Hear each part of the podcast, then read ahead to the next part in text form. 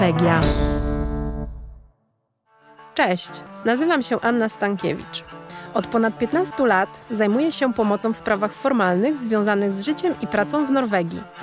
Zapraszam do odsłuchu. Witajcie. Dzisiaj chciałabym rozpocząć cykl audycji poświęcony rozliczeniom podatkowym. Otrzymujemy wiele różnych pytań w tej dziedzinie w ostatnim czasie, dlatego przygotowałam takie zestawienie zagadnień, które wydają się być dla Was najbardziej skomplikowane i stwarzają najwięcej trudności. Mam nadzieję, że po wysłuchaniu tego cyklu będziecie w stanie określić siebie jako rezydentów podatkowych y, polskich lub norweskich, a dzięki niemu dowiecie się również, jakie odpisy Wam przysługują, czy i dlaczego musicie złożyć PIT w Polsce i tym podobne. Dzisiejsze rozważania zacznę od omówienia takich najważniejszych pojęć, które w ostatnim czasie, tak naprawdę w ostatnich trzech latach, yy, są bardzo często używane w kontekście rozliczeń podatkowych yy, norweskich oraz polskich. I to są pojęcia rezydencji podatkowej oraz zniesienie ulgi abolicyjnej, co jest nieprawidłowym określeniem, ponieważ ulga abolicyjna nie została zniesiona, a nastąpiły w niej zmiany. Y, I mm, w dalszej części jeszcze odpowiem na najczęściej zadawane przez Was pytania. Tych pytań jest bardzo dużo. Ja jestem przekonana o tym, że dziś nie zdążę powiedzieć Wam wszystkiego, więc myślę, że uda mi się dziś e, powiedzieć Wam właśnie o rezydencji i o zmianach w uldze abolicyjnej oraz e, mm, o ustalaniu e, rezydencji podatkowej i o tym, co, jakie zmiany właśnie przyniosła ulga abolicyjna. Postaram się przejść do początku, chociaż do, do, tego, do tych pierwszych pytań, które mam przygotowane dla Was. I zobaczymy, jak mi to pójdzie. Na pewno cykl o rozliczeniach podatkowych będzie miał kilka odcinków. Zobaczymy, jak się dzisiaj uporam z, z przekazywaniem informacji. I zapraszam Was do odsłuchu. Zacznę może od tej od rezydencji podatkowej. Y, nawet nie chcę tutaj w pojęcia wchodzić, ponieważ jak wygooglujecie sobie, czym jest rezydencja podatkowa, to, to się o tym dowiecie. Zresztą za chwilę w, też powiem trochę o konwencji między Rzeczpospolitą Polską a Norwegią mm, o unikaniu podwójnego opodatkowania. To za chwilę, więc tutaj też gdzieś zahaczymy o takie e, terminy bardziej ogólne i o jakąś teorię. E, ale może powiem o tym, jakie czynniki determinują nas do tego, jakie czynniki determinują w ogóle do, do tego, kto jest rezydentem podatkowym w jakim kraju. To jest bardzo często zadawane pytanie i tak naprawdę to gdy przychodzicie do nas e, ze swoimi rozliczeniami podatkowymi i zgłaszacie się na te rozliczenia, to od tego w tej chwili musimy wyjść. E, kiedyś tego nie było i może powiem najpierw e, dla osób, które od wielu lat rozliczają się już w Norwegii, powiem, wyjaśnię dlaczego Kiedyś tego nie ustalaliśmy i, i teraz to ustalamy. E, od 2021 roku y, nastąpiły zmiany w, właśnie w uldze abolicyjnej y, dotyczącej rozliczeń między Polską a Norwegią i o tym będę za chwilę mówiła.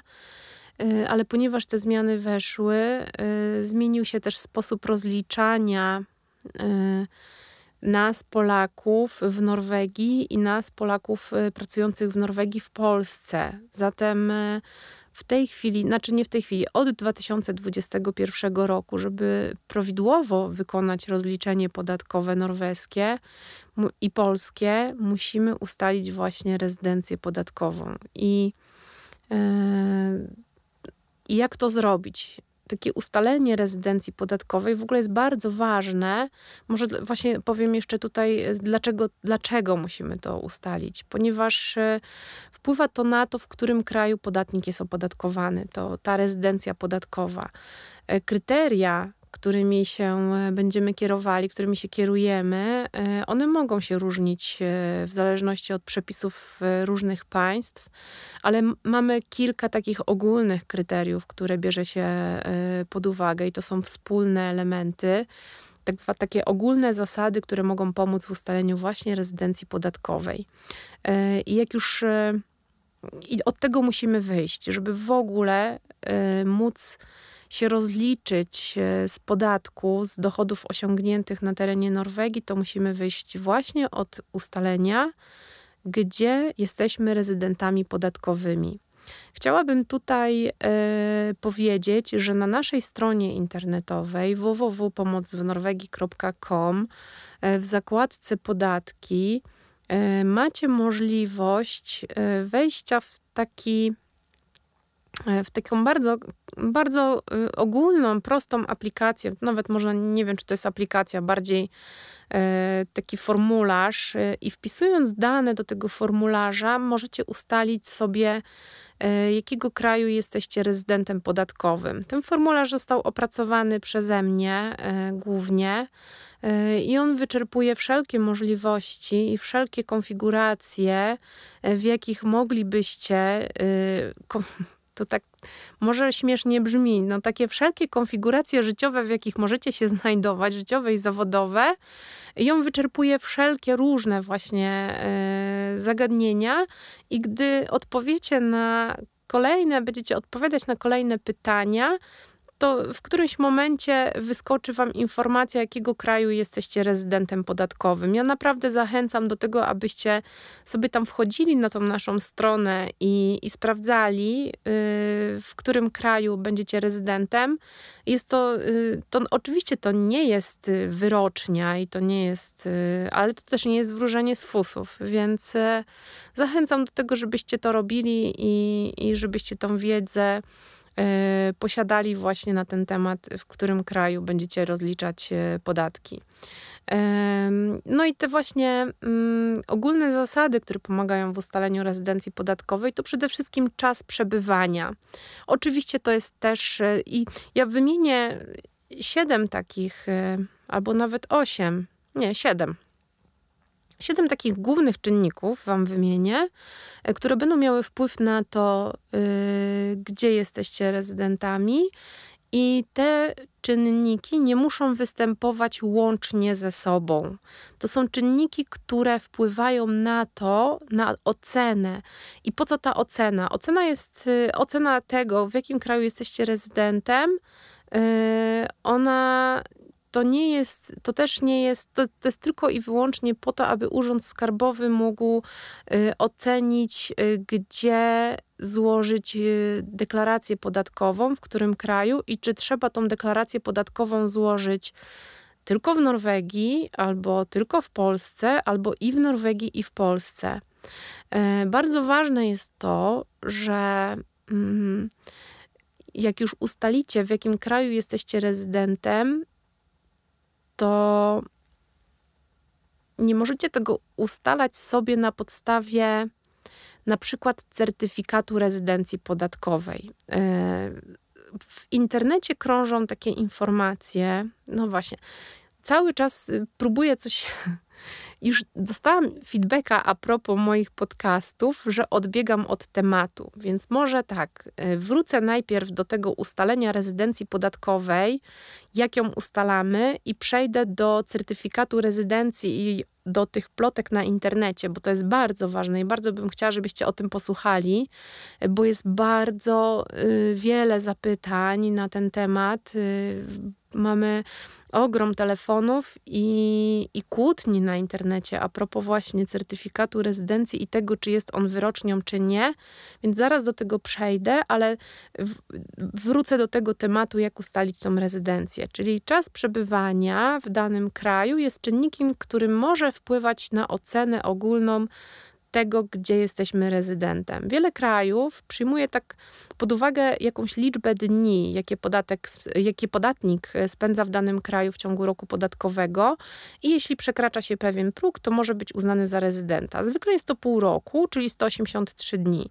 W kontekście Norwegii mówimy potocznie tutaj o zasadzie 183 dni, czyli jeżeli e, jeżeli jeżeli y, zasada ta mówi, że jeżeli przebywamy w którymś kraju więcej niż 183 dni, to możemy zostać uznanymi za rezydenta podatkowego tego kraju, mm, ale to jest jeden z czynników i na przykład y, powiedzmy, że mamy ich 7, tak jak powiedziałam, y, może nieraz być tak, że 6 będzie mówiło, będzie przemawiało za tym, że że moglibyście być uznani za rezydenta norweskiego, a jeden będzie mówił i przemawiał za tym, że możecie być uznani za rezydenta polskiego, i ten jeden będzie czynnikiem kluczowym i decydującym. Postaram się Wam to wyjaśnić najlepiej, jak to możliwe i podsumować.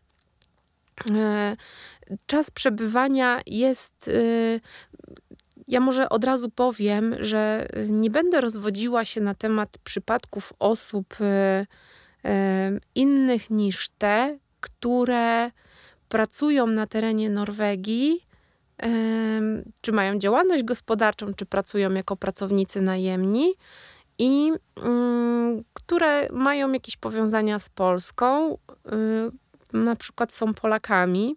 Więc mówię tylko tu o Norwegii i mówię o naszych, e, i mówię to tylko o tej rezydencji podatkowej w kontekście rozliczeń podatkowych.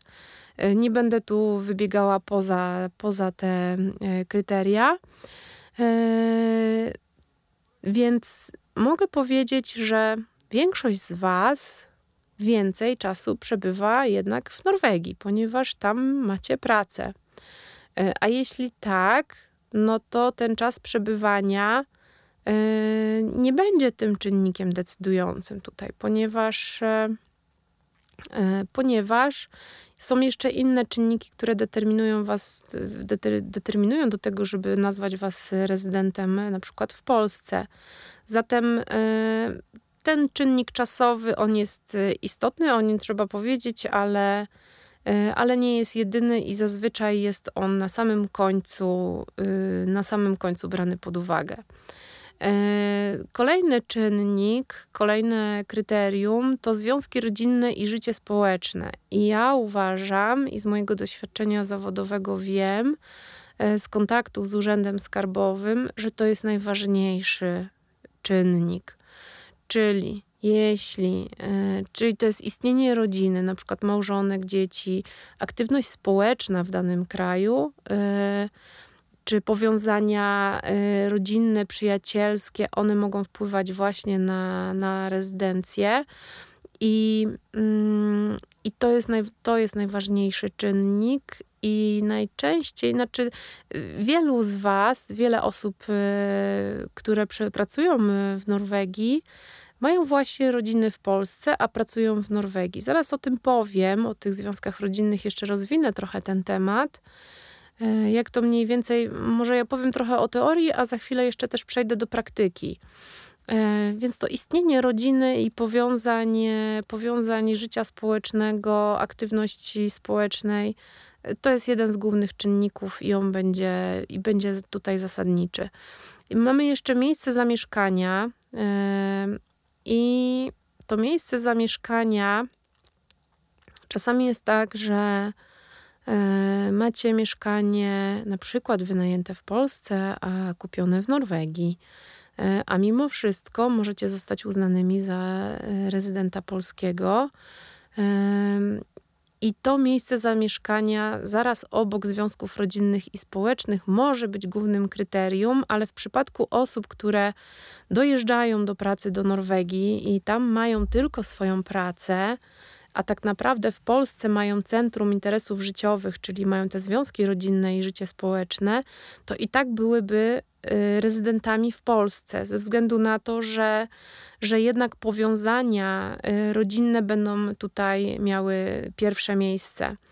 Y, a mieszkanie tak naprawdę to jest to mieszkanie i miejsce zamieszkania mm, to jest bardziej określenie takie, bym powiedziała, nie fizyczne, tylko odczuciowe, czyli y, można mieć domy w kilku krajach, a jednak tak naprawdę mieszkać w jednym.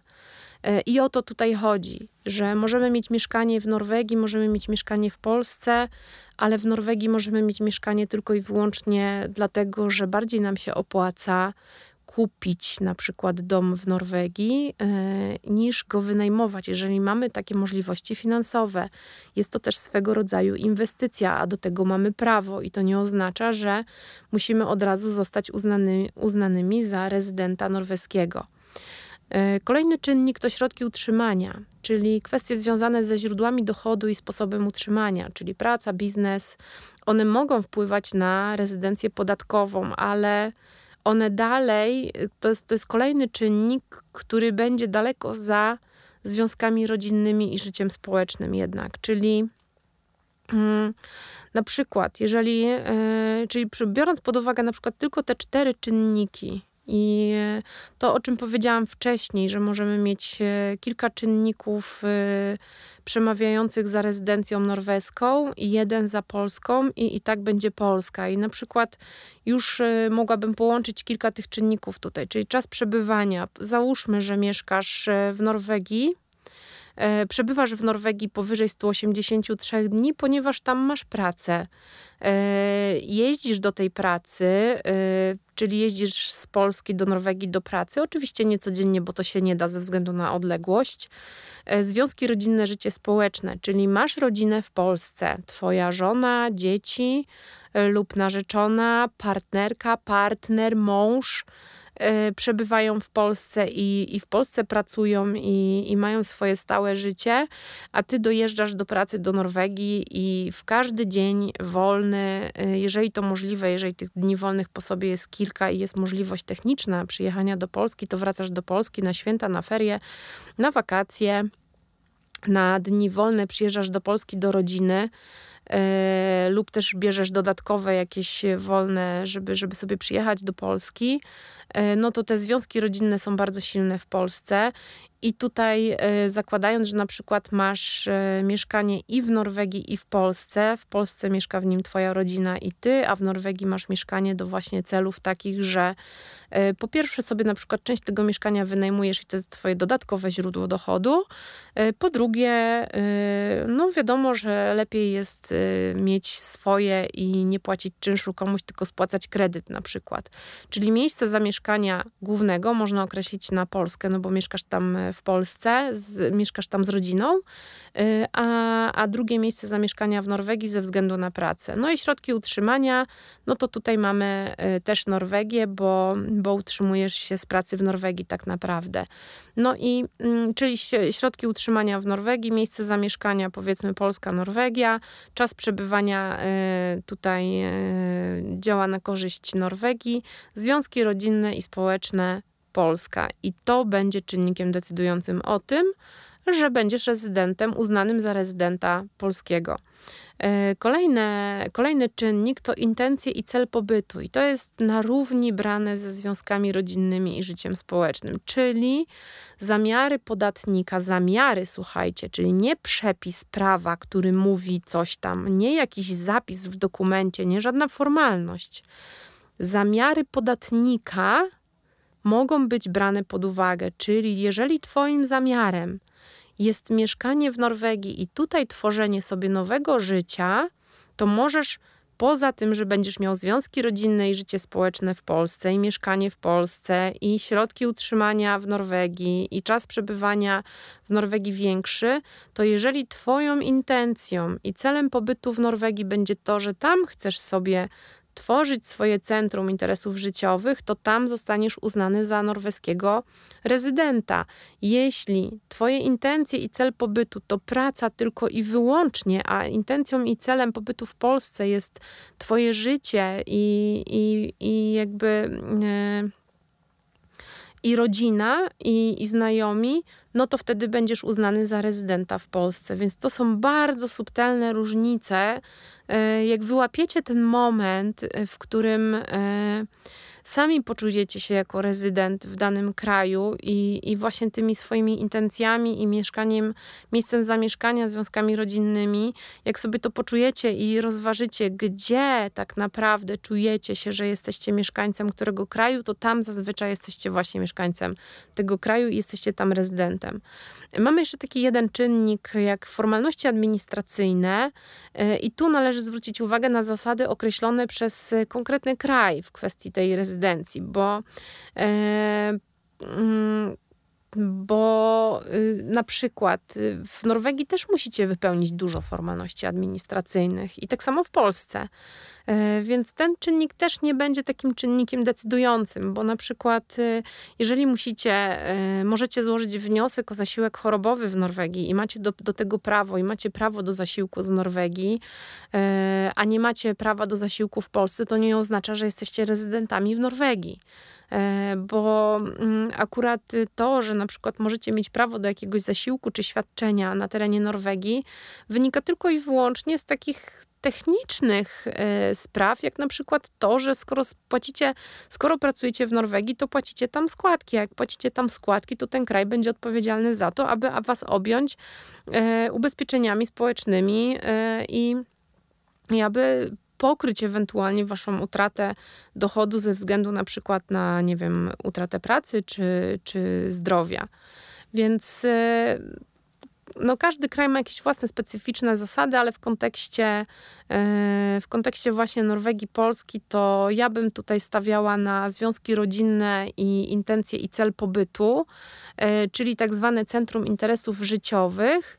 No i mamy jeszcze e, jeden czynnik, który jest bardzo ważny i Tutaj będę Was zachęcała do tego, żebyście zawsze, kiedy macie wątpliwości, sięgali do umowy o unikaniu podwójnego opodatkowania. E, mamy między Polską e, a Królestwem Norwegii konwencję w sprawie unikania podwójnego opodatkowania, e, no i zapobiegania też uchylaniu się od podatkowania w zakresie podatków od dochodu. Ta konwencja jest bardzo przejrzysta. Ona to nie jest konwen- to nie jest dokument, który zawiera 50 stron i trzeba się wczytywać w jakieś zapisy drobnym maczkiem. Ona posiada kilka, kilka takich najważniejszych paragrafów. Bardzo dokładnie i szczegółowo opisuje, w jakim kraju kto jest opodatkowany. Bardzo szczegółowo opisuje, e, jakich podatków dotyczy ta konwencja, dokładnie których podatków ona dotyczy. I to jest bardzo, bardzo dobry dokument do tego, aby, y, aby się nim posiłkować przy właśnie e, chęci rozliczenia podatku, czy przy chęci ustalenia, czy jest się rezydentem tutaj e, w Polsce, czy tam w Norwegii.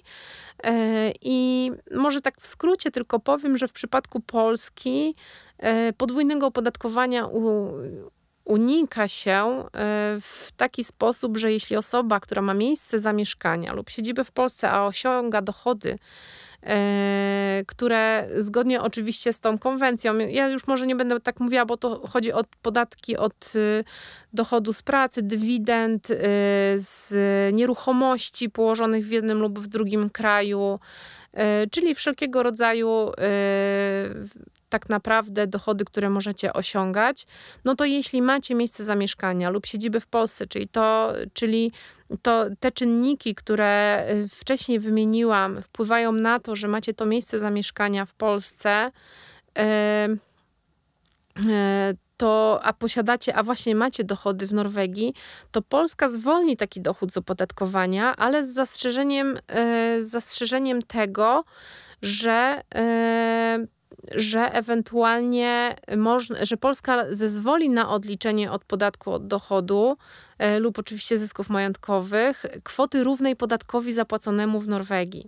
I tu za chwilę będę mówiła o tym, o tej zmianie właśnie w uldze abolicyjnej, e, ponieważ to jest bardzo, to, to, to będzie bardzo ważne, żebyście mogli zrozumieć skąd wzięły się te zmiany i dlaczego ustalamy, kto jest gdzie rezydentem.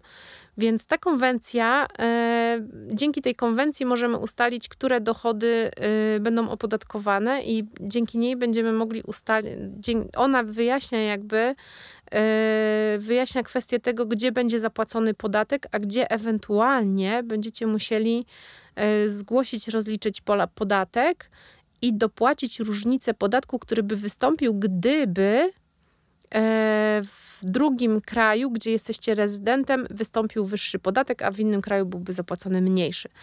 Mam nadzieję, że mnie dobrze zrozumiecie. Mm, jeszcze tutaj tylko mm, mamy taki zapis w tej konwencji między Rzeczpospolitą Polską a Norwegią, że jeśli zgodnie z jakimikolwiek postanowieniami tej konwencji dochód uzyskany przez osobę mającą miejsce zamieszkania lub siedzibę w Polsce jest zwolniony z opodatkowania w Polsce, to Polska może przy obliczaniu kwoty podatku od pozostałych dochodów lub zysków majątkowych, czyli tych uzyskanych ewentualnie na terenie Polski, uwzględnić zwolniony dochód.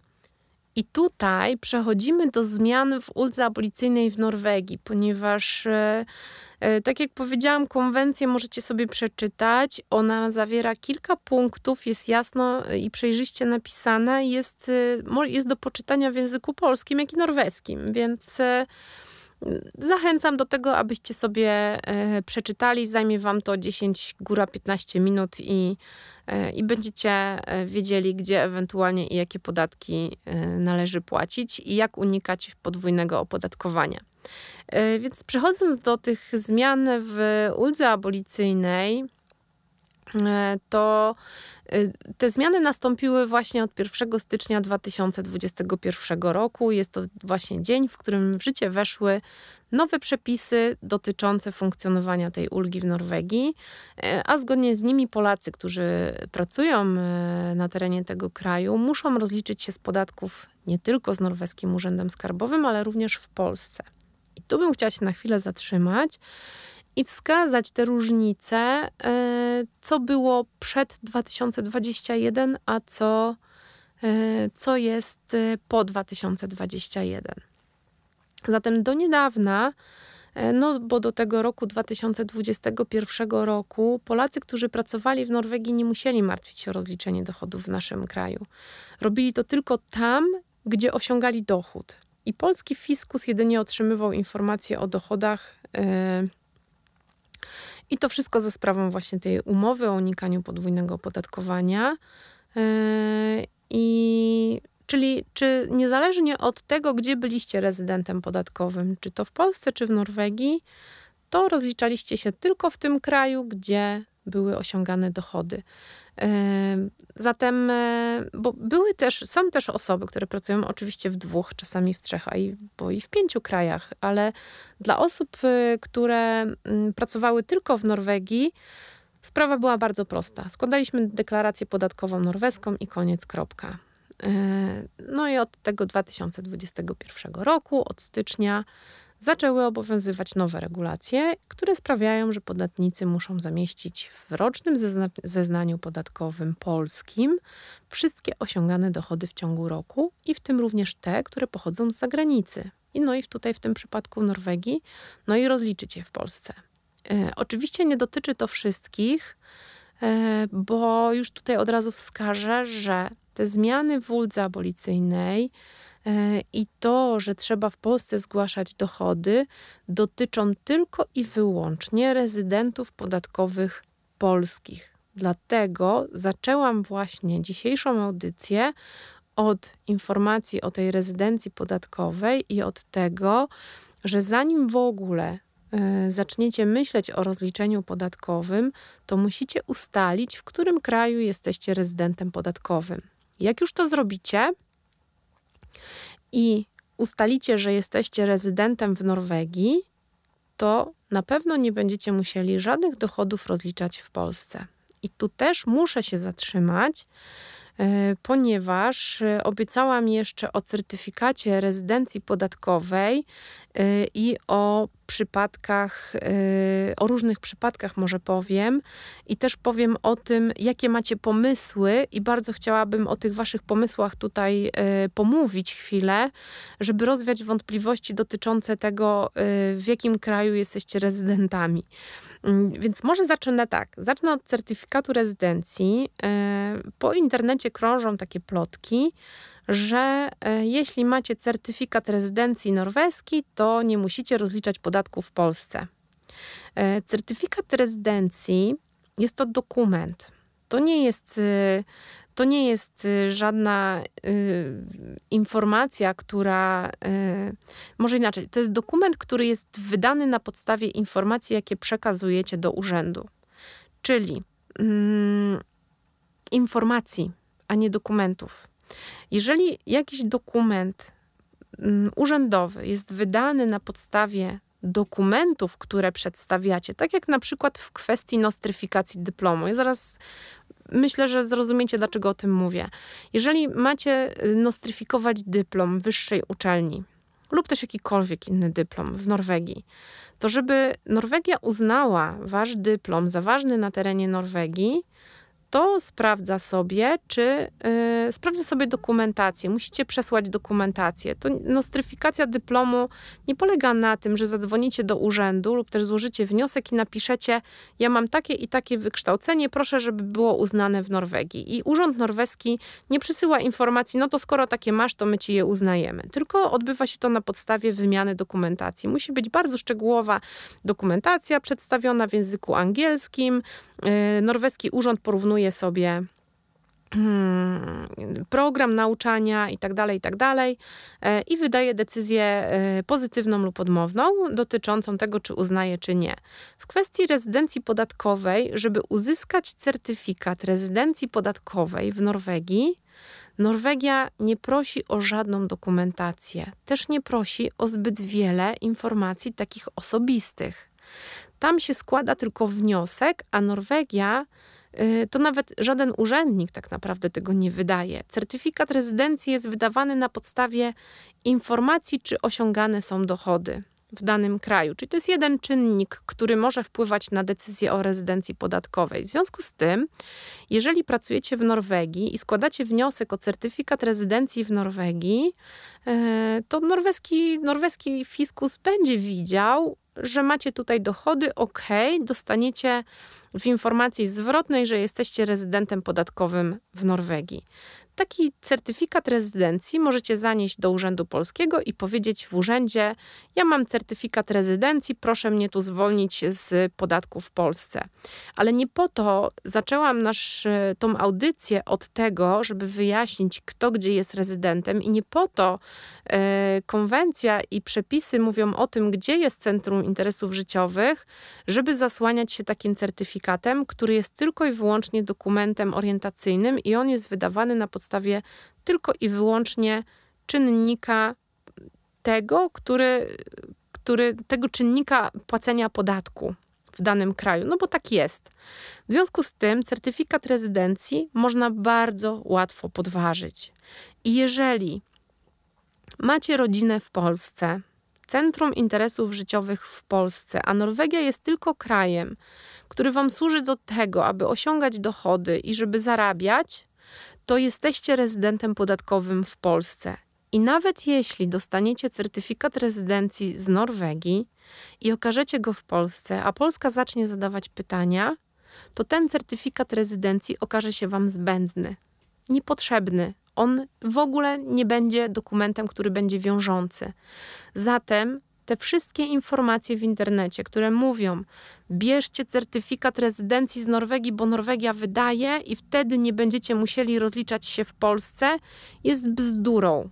Proszę Was, żebyście w to nie wierzyli, bo ten certyfikat nie zadziała. Oczywiście zdarzają się przypadki, że ktoś weźmie certyfikat z Norwegii niesłusznie, bo nie jest rezydentem norweskim, a naprawdę jest rezydentem polskim, przedstawi go w polskim urzędzie i ewentualnie urzędnik nie dopyta, bo się na przykład nie zna albo nie wiem, nie chce robić żadnej kontroli i przyjmie certyfikat norweski i uzna, ok, nie musisz rozliczać podatku w Polsce. Oczywiście ja jestem przekonana, że wielu z Was, y, którzy mnie teraz słuchają, na pewno y, tego doświadczyli i okay, ale na pewno też nie mogę powiedzieć, że te osoby mogą spać spokojnie, bo za 3-4 lata urząd może sobie skontrolować ten wasz czynnik, e, czynnik osobisty, te, te wasze relacje i powiązania z Polską, relacja, relacje i powiązania z Norwegią.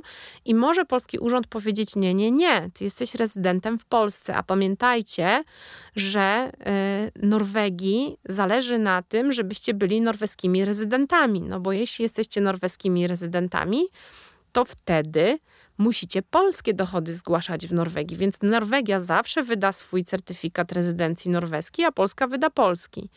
Gdybyście chcieli otrzymać certyfikat rezydencji, e, na, który byłby ewentualnie wiążącym dokumentem, to tak naprawdę y, trzeba byłoby złożyć nie wniosek o certyfikat rezydencji, ale o wiążącą interpretację. I w tej interpretacji na pewno urząd by wskazał, gdzie jesteście rezydentem. Na dzień dzisiejszy ja mogę Wam powiedzieć, że jestem w stanie dla siebie za rok 2023 zdobyć certyfikat rezydencji zarówno w Polsce, jak i w Norwegii. To jest tylko kwestia złożenia wniosku w dwóch krajach jednocześnie i będę miała dwa certyfikaty. I co wtedy?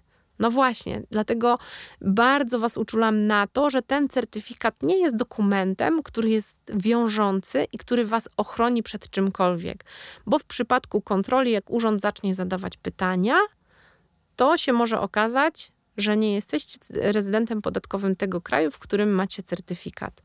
Zatem e, oczywiście to są, tak jak powiedziałam wcześniej, to są kwestie bardzo indywidualne i też czynnik takiego odczucia waszego będzie miał znaczenie. Ale jeżeli powiecie e, w urzędzie, e, aha, no bo może jeszcze wyjdę od tego, żeby tutaj takie e, wyrazić takie moje spostrzeżenie, że większość z Was chce być teraz rezydentami w Norwegii ze względu na to, że nie chcecie rozliczać PIT-u w Polsce i ewentualnie dopłacać podatku w Polsce, bo tak się czasami zdarza.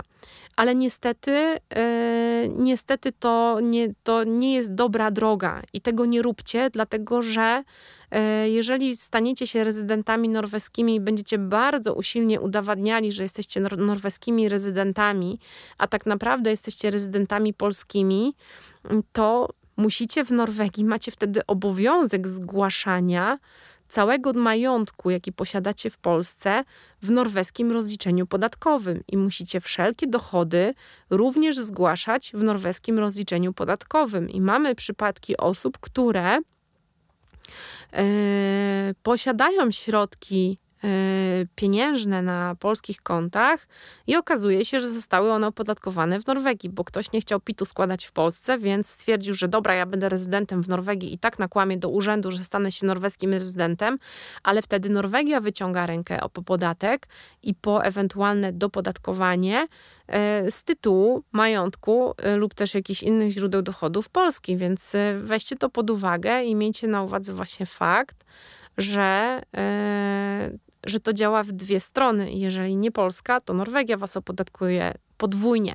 Nie podwójnie, bo tutaj podwójnego opodatkowania nie ma, ale występuje doliczenie podatku e, w przypadku, e, w takim przypadku, gdy w kraju, w którym się osiąga dochody, zapłacony został podatek niższy, aniżeli byłby zapłacony w tym drugim kraju.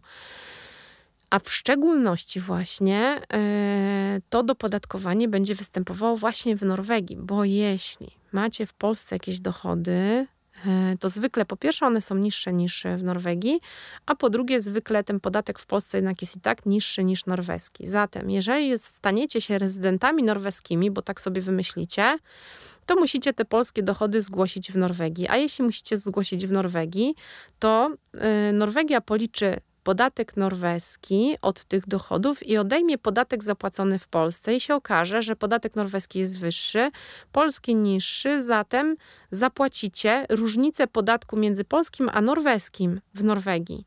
E, w kwestii tego, jak jest na odwrót, działa to tak, że w Norwegii zazwyczaj mamy wyższe dochody, ale mamy wyższe podatki. Więc jeżeli od naszego dochodu norweskiego zapłacimy podatek, który de facto jest podatkiem wyższym niż ten, który byście zapłacili w Polsce, to i tak w Polsce nie zapłacicie różnicy podatku, bo ta różnica nie wystąpi.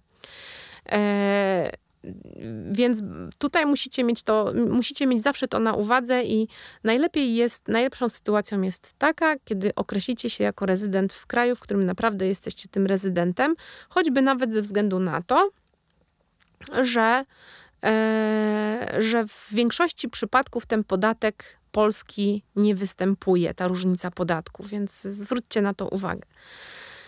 No to powiedziałam już właśnie Wam o tym e, certyfikacie, e, że nie ma sensu brania tego certyfikatu, ponieważ to jest dokument, który absolutnie nie jest wiążący.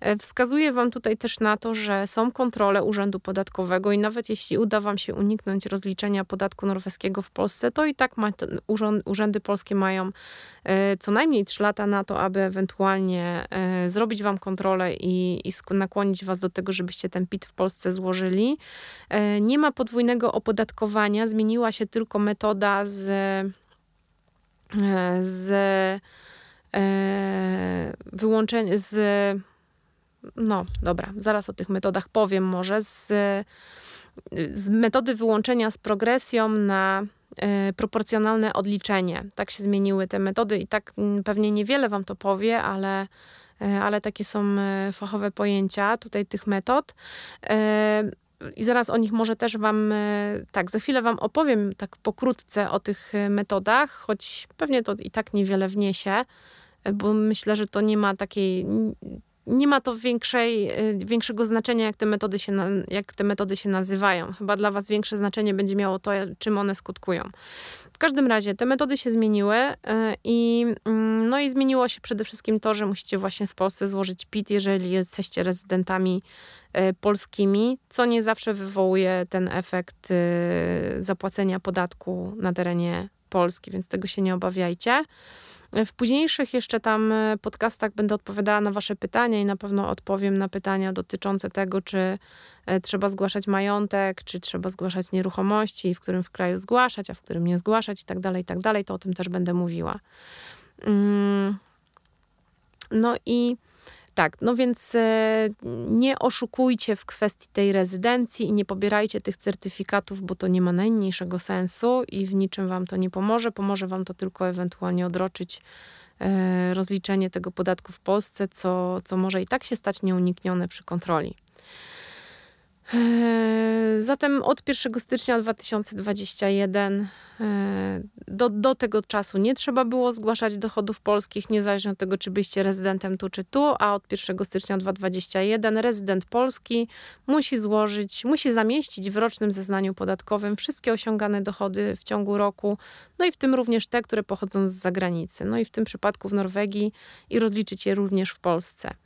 E, mamy też sytuację, że możecie być uznani za rezydenta w dwóch krajach jednocześnie i to się zdarza, więc jeżeli taką, jeżeli macie taką sytuację na przykład, że no nie wiem, powiedzmy, że, że mieszkasz e, e, trochę w Polsce i trochę w Norwegii i załóżmy w obu krajach osiągasz dochody, w obu krajach masz mieszkanie, to czy będziesz czy będziesz rezydentem tu czy tu, y, nie da się tego określić jednoznacznie, ponieważ w obu krajach masz swoje centrum interesów życiowych, czyli prowadzisz życie w dwóch krajach. Wtedy możesz być uznany za rezydenta w dwóch krajach i wtedy w dwóch krajach się rozliczasz z podatku, czyli rozliczasz podatek, który osiągasz, jeżeli jesteś rezydentem dwóch krajów, to podatki od dochodów osiągniętych na terenie jednego kraju płacisz w tym kraju, gdzie osiągłeś, osiągnąłeś dochody właśnie i analogicznie w drugim kraju tak samo.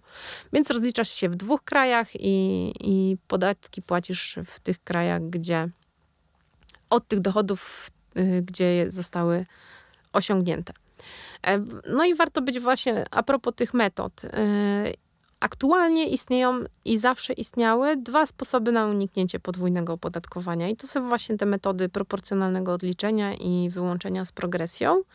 E, ta metoda proporcjonalnego odliczenia, ona zakładała opodatkowanie dochodów, które były uzyskiwane za granicą Polski. Co ważne, zgodnie z mechanizmem działania tej metody, e, podatek, który się płaci od dochodu osiąganego w kraju zagranicznym, jest odliczany od tego, który należy zapłacić w Polsce. I to rozwiązanie stosowane było e, to, nie, przepraszam, proporcjonalne odliczenie to jest właśnie teraz. To, to jest rozliczenie, które jest stosowane w Polsce w przypadku dochodów uzyskiwanych między innymi właśnie e, z Norwegii, czyli to może wystąpić różnica podatku, który trzeba będzie uiścić, a wcześniej była właśnie metoda wyłączenia z progresją i ten sposób jest trochę korzystniejszy, bo on zakładał zwolnienie z zapłaty podatku od, od zagranicznych dochodów w Polsce całkowicie.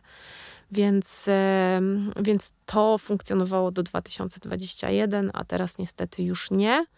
E, no i tu właśnie w tym miejscu właśnie pojawia się pojęcie tej ulgi abolicyjnej i na czym to polega? No jest to preferencja podatkowa, jak każda inna, dzięki której możliwe jest zmniejszenie tych różnic pomiędzy dwoma systemami e, rozliczeń, tutaj Polska, Norwegia.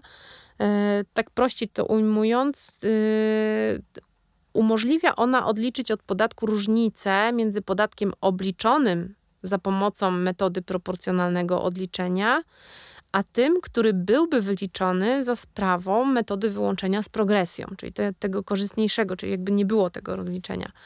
No więc ta ulga abolicyjna oznaczała y, umorzenie części lub całości podatku dochodowego i dzięki temu Polacy pracujący w Norwegii mogli liczyć na preferencyjne warunki do końca roku 2020. A w praktyce od 1 stycznia e, limit odliczenia ulgi policyjnej w Norwegii wynosi 1360 zł, czyli praktycznie nic. Nowe przepisy e, obligują do uwzględnienia w zeznaniu podatkowym z kraju stałego zamieszkania, czyli tam, gdzie jesteście rezydentami, informacji na temat wszystkich zarobków.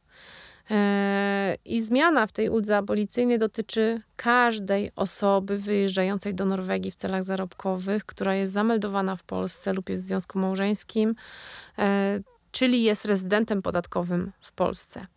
Tu jeszcze bym chciała wrócić do ewentualnych waszych pomysłów, jakie macie, czyli na przykład wymeldowanie się lub zmiana statusu cywilnego, do tego też dochodzi nie przyczyni się to do, nie przyczynią się te, te zmiany wasze i te pomysły nie przyczynią się w żaden sposób do uniknięcia podwójnego opodatkowania, czyli tego dopodatkowania, ponieważ e, w takich przypadkach, gdy na przykład się wymeldujecie albo zmienicie stan cywilny, to z kolei wpływacie sobie negatywnie na rozliczenie norweskie, bo tracicie prawo do ulg z tytułu statusu pendler, o którym będę mówiła, i utracicie możliwości korzystania z ulg podatkowych w Norwegii, które przysługują pracownikom w związku z opłatami mieszkaniowymi, komunikacyjnymi czy żywieniowymi.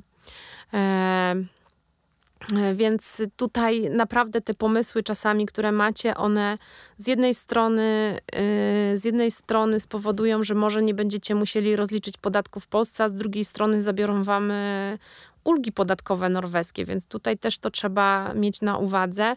I tak jak powiedziałam, nie bójcie się tego rozliczenia polskiego, e, ponieważ e, na podstawie mojego doświadczenia zawodowego i, i was, na, na, na waszych przykładach, e, My wykonujemy tysiące, jak nie dziesiątki tysięcy, no dziesiątki tysięcy rozliczeń podatkowych i naprawdę to jest jakieś małe grono osób, powiedzmy, że 10% osób, które pracują w Norwegii, muszą czasami dopłacić jakiś podatek w Polsce. I ta dopłata podatku to nie jest 10 tysięcy. No, czasami się zmieliśmy, ok, jakieś przypadki, żebym nie była gołosłowna, no to mieliśmy y, przypadki osób, które musiały duży podatek zapłacić, ale to też się wiązało z dużymi różnicami podatku polskiego, norweskiego, ale E, tak naprawdę to mówimy tutaj o, jeżeli już naprawdę te 10% osób, które muszą zapłacić podatek w Polsce, e, to jest to podatek rzędu czasami 2000, 1,5, czasami 400 zł. E, to nie są duże kwoty, więc ten dramat, który tutaj w szczególności w 2022, jak ta informacja doszła do wszystkich o tym zniesieniu, czy tam e, zmianie w tej uldze abolicyjnej, to rzeczywiście tutaj e, poruszenie było ogromne, ale całkowicie niesłusznie i, e, i, i to nie jest, te, te kombinacje nie są warte tego, co możecie stracić czy zyskać, więc bardzo proszę, żebyście brali to wszystko pod uwagę. Ten podwójny podatek lub też to dopodatkowanie ewentualne, które mogłoby wystąpić, E, nie dotyczy osób uzyskujących norweskie świadczenia na terenie Polski. Ponieważ też są takie osoby, które już w ogóle w Norwegii nie przebywają, są rezydentami polskimi, ale otrzymują renty chorobowe czy emerytury z Norwegii na terenie Polski. W tej sytuacji, pomimo tego, że uzyskujecie dochody na terenie miejsca zamieszkania, wystarczy przedstawić w banku dokument potwierdzający wartość podatku rozliczanego w Norwegii, bo są bardzo częste przypadki, często się do nas zgłaszacie, że wasze emerytury czy renty wpływają na konto polskie już pomniejszone podatek, bo bank potrąca podatek. E, wystarczy okazać dokument, e, który e, potwierdza wartość podatku rozliczonego w Norwegii, w banku, a, a, skutku, a zaskutkuje to tym, że, że ta zaliczka na podatek pobrana przez bank zostanie zwrócona. Jeszcze tak tylko tutaj dopowiem, bo być może tak chyba będę musiała tu zmierzać do końca i nawet nie powiem, nie powiem wam o nie, nie przejdę do tych najczęściej zadawanych pytań, bo będę na dzisiaj kończyła. Jeszcze tylko podsumuję, że e, z obowiązku wykazywania zagranicznych dochodów w Polsce zwolnieni są pracownicy uzyskujący dochody w Norwegii, którzy nie są w związku małżeńskim, nie mają przydzielonego statusu podatkowego pendler dedykowanego osobom samotnym, czyli mieszkają w Norwegii na stałe i odwiedzają Polskę sporadycznie, na przykład krótki urlop. E, też osoby mieszkające na terenie Norwegii po rozwodzie, gdy ich dzieci na przykład z małżeństwa są już dorosłe e, lub przebywają, nie, lub e, przebywają pod opieką byłego współmałżonka.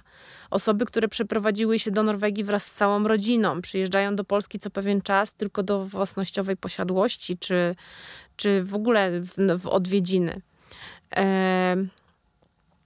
Zatem y, to, to, to, jest, to są te grupy osób, które nie muszą e, składać PIT-u w Polsce, e, a obowiązek tego złożenia dokumentu to dotyczy Polaków pracujących w Norwegii, e, którzy właśnie są rezydentami polskimi.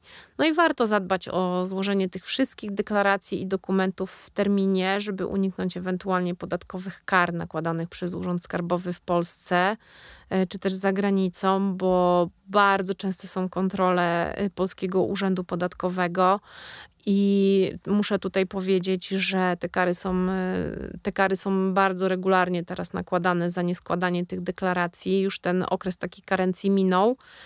Mhm, za rok 2023 już e, tutaj myślę, że litości nie będzie, a jeszcze tylko dopowiem, bo też często o to pytacie, że polski i norweski urząd podatkowy one tak świetną współpracę mają między sobą i ta wymiana informacji jest tak płynna i szybka, że czasami nawet ja się dziwię, ponieważ e, ja w Norwegii, z Norwegią mam do czynienia od prawie 20 lat i E, te, zale te zależności między urzędami obserwuję sobie bardzo dokładnie i jestem bardzo tutaj czujna i, i mocno y, to wszystko gdzieś tam przez moje ręce przechodzi często i, i bardzo dużo tych wszystkich dokumentów i tych różnych spraw y, mamy w ATS-ie, więc naprawdę na podstawie mojego doświadczenia zawodowego mogę powiedzieć, że to ewaluowało bardzo i tak jak kiedyś te urzędy, ta wymiana informacji między urzędami była,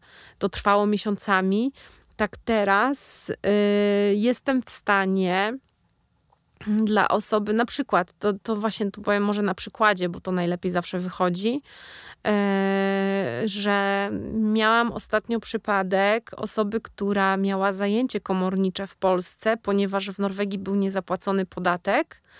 E, ten podatek wystąpił za rok 2022 e, bardzo szybko dotarła informacja do polskiego urzędu skarbowego, że, że ten podatek w Norwegii jest niezapłacony.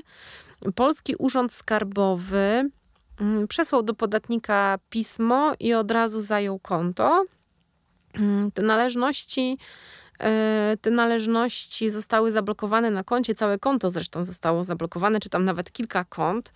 E, I zgłosił się do nas ten podatnik, ponieważ e, on był przekonany o tym, że ten podatek jest nieprawidłowo naliczony przede wszystkim. No nie podjął jakichś tam działań, które mogłyby spowodować ewentualnie odkręcenie tego podatku, bo urząd norweski był dość cierpliwy i długo wysyłał informacje o tym, że zalegasz z podatkiem, zalegasz z podatkiem, zapłać podatek i tak dalej.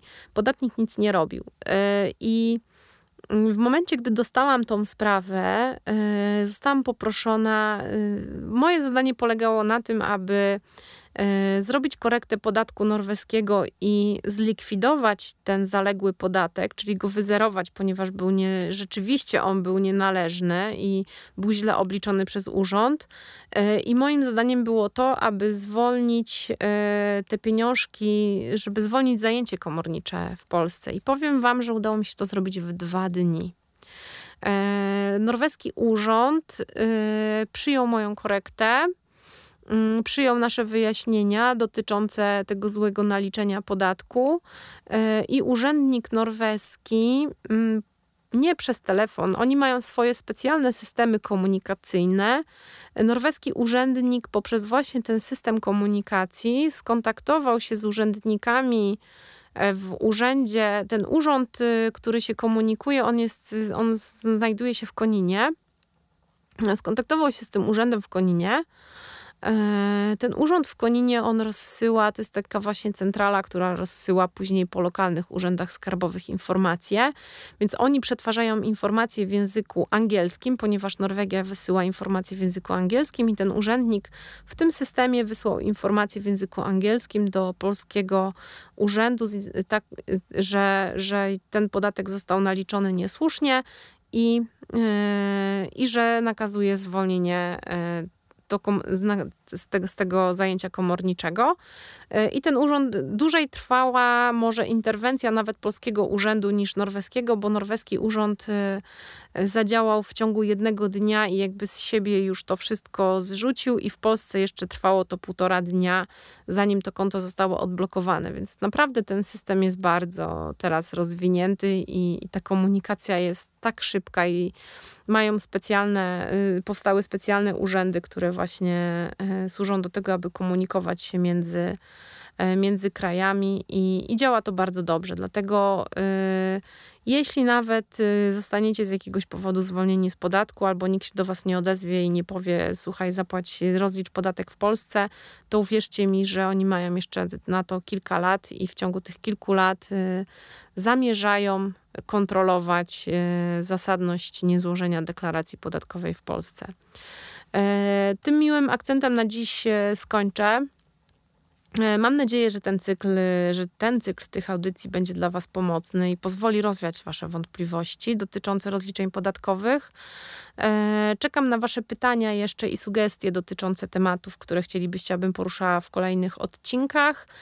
E, a z kolei w kolejnym odcinku na pewno odpowiem na Wasze pytania e, dotyczące, myślę, e, tego, mm, czy zgłaszać stany konta bankowego, gdzie zgłaszać majątek, czy trzeba majątek polski zgłaszać, czy wykazywać emeryturę z Polski w Norwegii czy rezygnować z Sildeskat na przykład i komu przysługuje ta karta. Powiem też o kryptowalutach, y, czy je rozliczać i gdzie.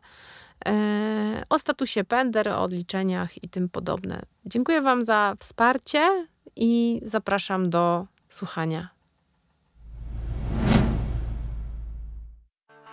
Jeśli podobała Ci się audycja, zaobserwuj kanał, daj lajka i wciśnij dzwoneczek.